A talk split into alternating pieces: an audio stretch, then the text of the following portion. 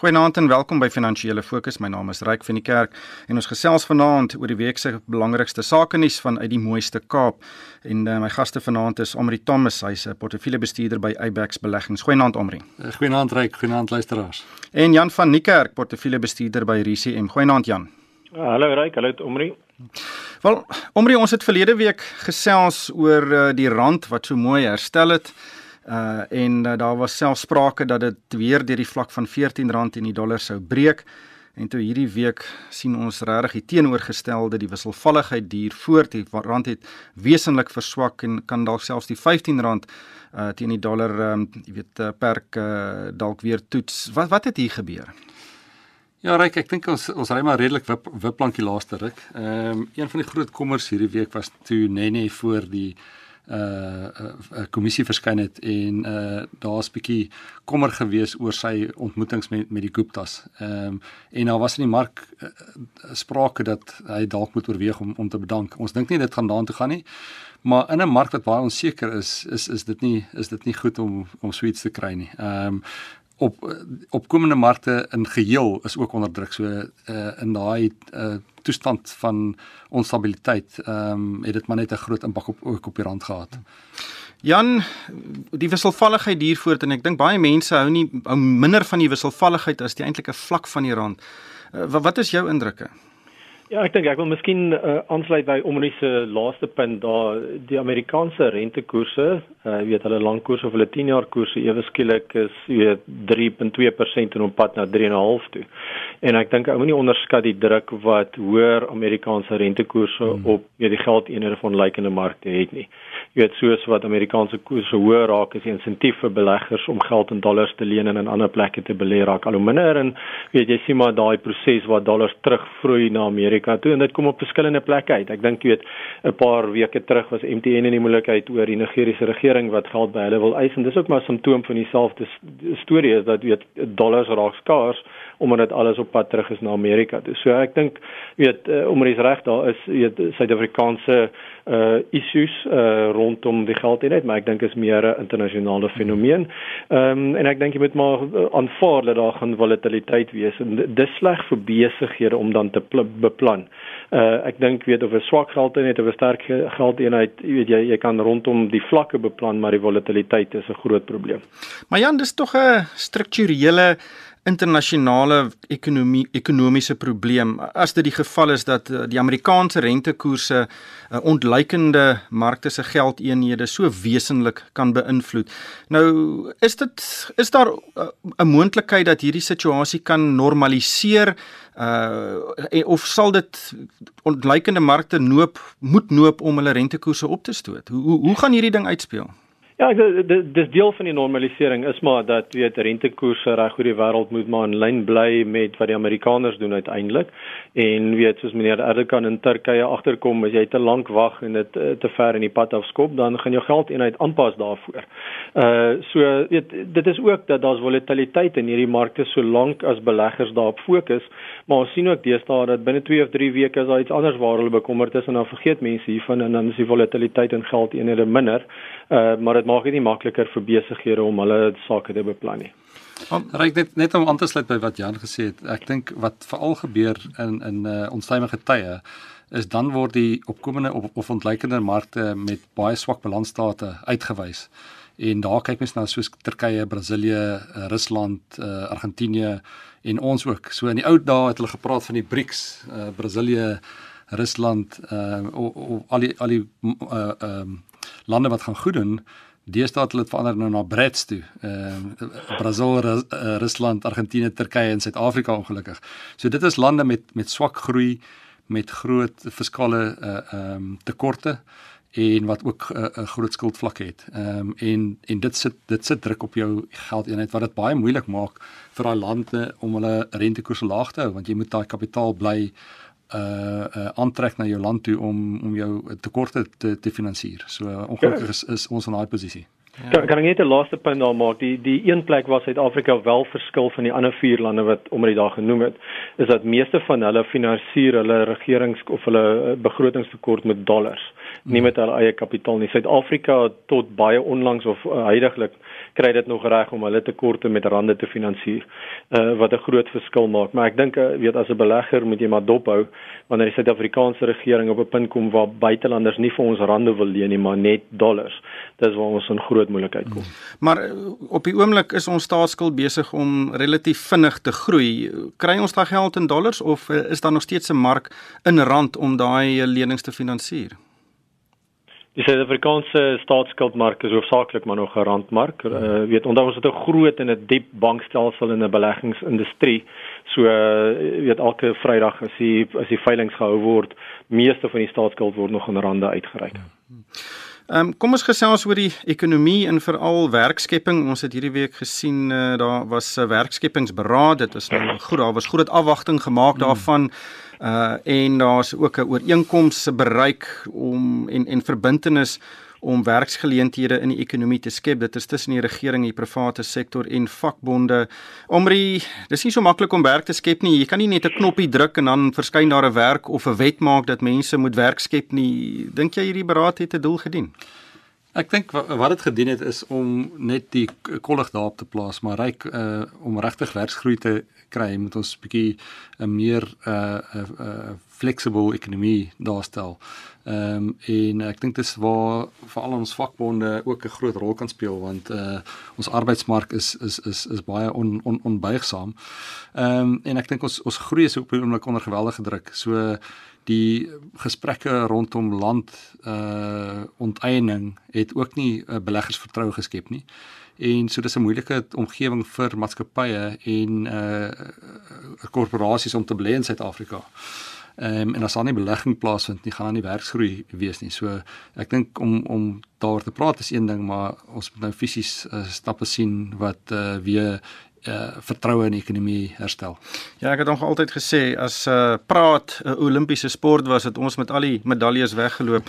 Ehm um, maar Jan, ek is nou in die Kaap vir vir die week en ek het met verskeie entrepreneurs gesels en dis vir my was vir my opmerklik hoe negatief mense is. En en dit is 'n uh, entrepreneurs wat uh, tientalle mense in diens het, so dit is maar klein ondernemings.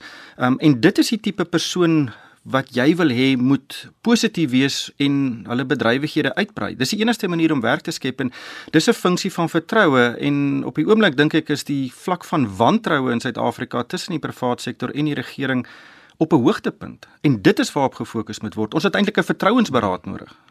Ja, beslis. Uh, ek dink is 100% reg. Ek wil net herinner in die vroeë 90s uh, eh, of weet net na die verkiesings het die EMF op 'n dag vir die die president wat daai tyd Mbeki was, uh gesê weet dit help nie julle beleid vir die ekonomie wat jy hoop jy gaan kry nie. Jy moet 'n beleid hê vir die ekonomie en die samelewing wat wat jy wel het en dit voel vir my asof Suid-Afrika se beleid word opgestel vir wat ons dink ons behoort te hê, uh maar nie vir wat ons wel het nie. Onthou ons het 'n 'n redelike jong onopgeleide populasie, uh weet en dit beteken dat daar sekere tipe van werk en omstandighede wat bevoordeel moet word. Uh ek dink hierdie week was ook baie statistiek uit oor weet uh, toerisme se bydrae tot verskillende ekonomieë reg oor die wêreld. En Suid-Afrika uh weet uh, is baie laag op daai lys en ons is uiteindelik 'n ekonomie wat baie voor voordeel kan trek uit toerisme.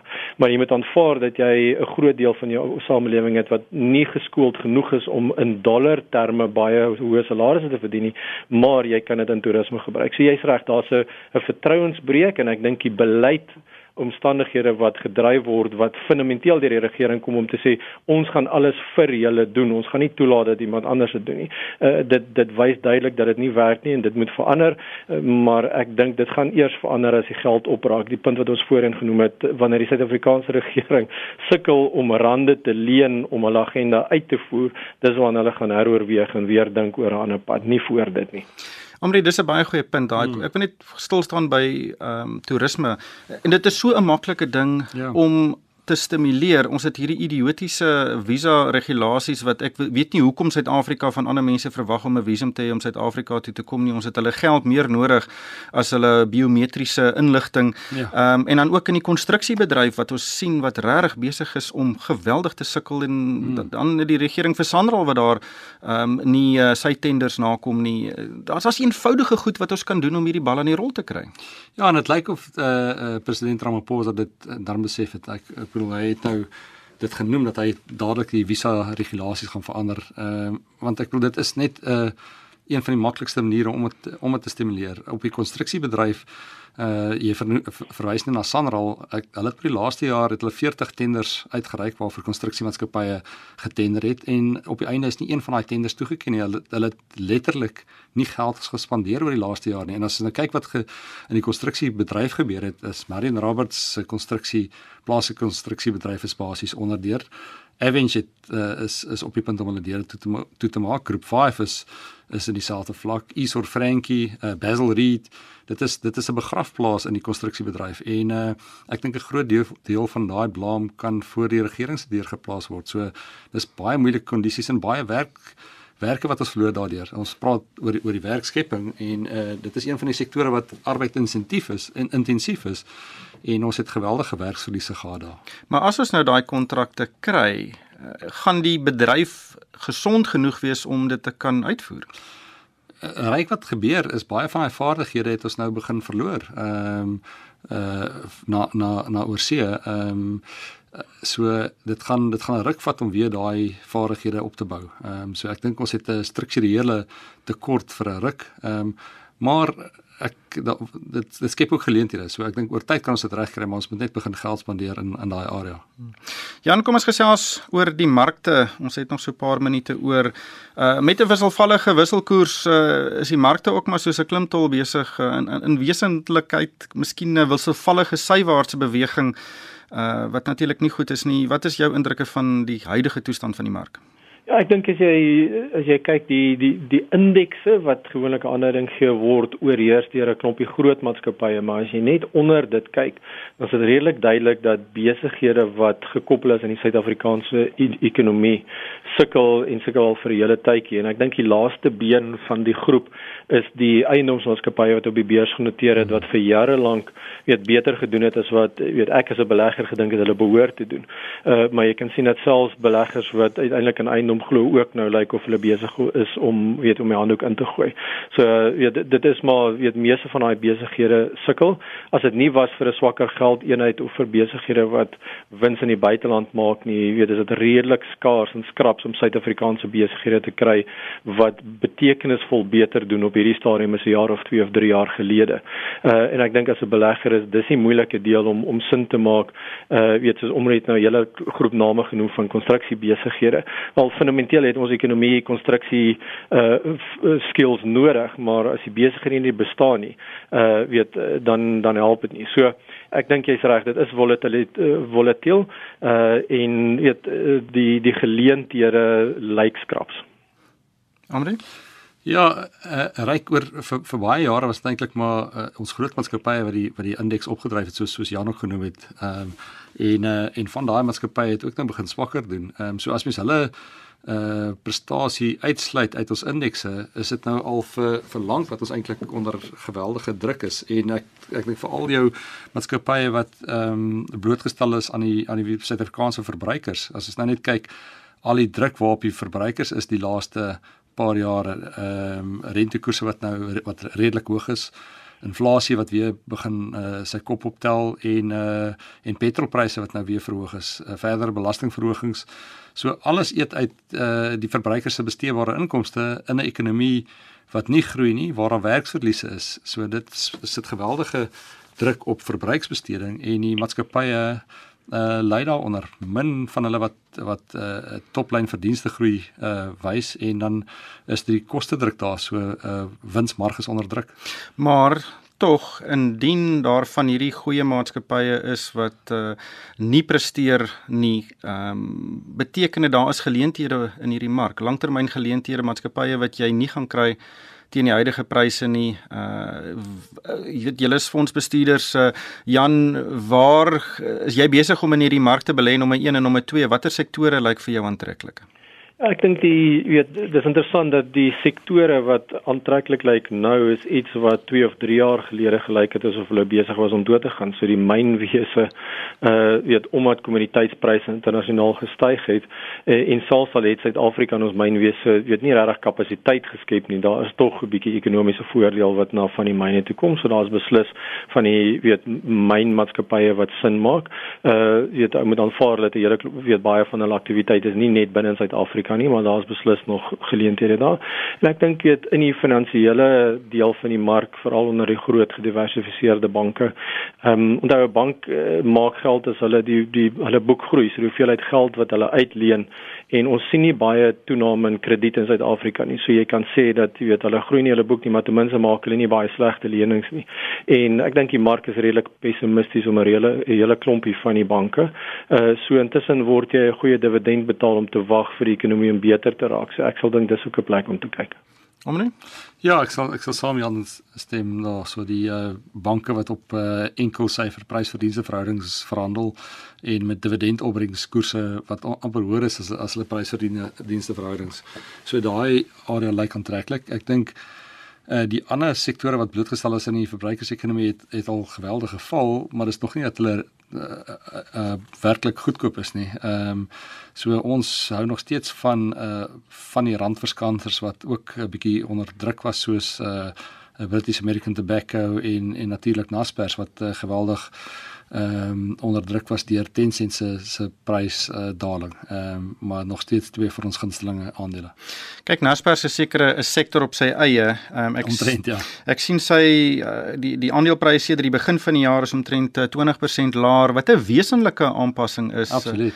Ehm um, is dit net Tencent ehm um, of is daar ander redes en en is dit 'n geleentheid? Kyk, Tencent het met baie meer geval, so Naspers het eintlik vir Tencent uitpresteer. So eintlik is dit maar maar net Tencent. Uh, die Naspers ander besighede bestuur het eintlik 'n redelike goeie uh goed gedoen daar sover hierdie jaar. Ehm um, maar uh dit so dit is eintlik maar net net Tencent gewees dit beser.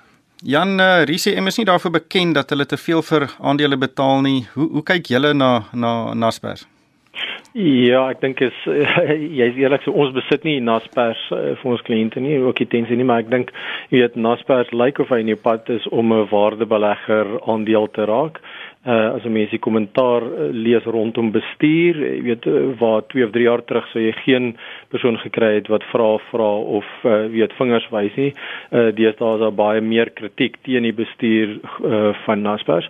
En wat vir my interessant was in die laaste paar weke is hulle het aangekondig dat hulle hulle betaal TV besigheid gaan ontbondel en die mark het dit omtrent heeltemal ignoreer. Hmm. Ehm um, weet as jy kyk na die verskil in markkapitalisasie wat Naspers en weet hulle belegging in Tencent, dat dit omtrent nie beweeg of daai aankondiging nie en by weet enige aanduidings is dat daai besigheid wat hulle gaan afspin uh, weet is 'n uh, 6 of 8 miljard dollar maatskappy. So dis dis wesenlik in in grootte. Uh en weet die mark ignoreer dit net. So jy kan sien dat daar is beleggers wat eintlik maar uh weet begin het om Naspers te ignoreer. Uh so dit lyk as weet die die die tekens rondom dit is dat dit begin goedkoop raak. Ongelukkig uh, hierdie tyd ons ingehaal. Baie dankie aan Amri Thomas. Hy's 'n portefeuljebestuurder by Eyewex Beleggings en Jan van die Kerk, uh, hy is by RCM.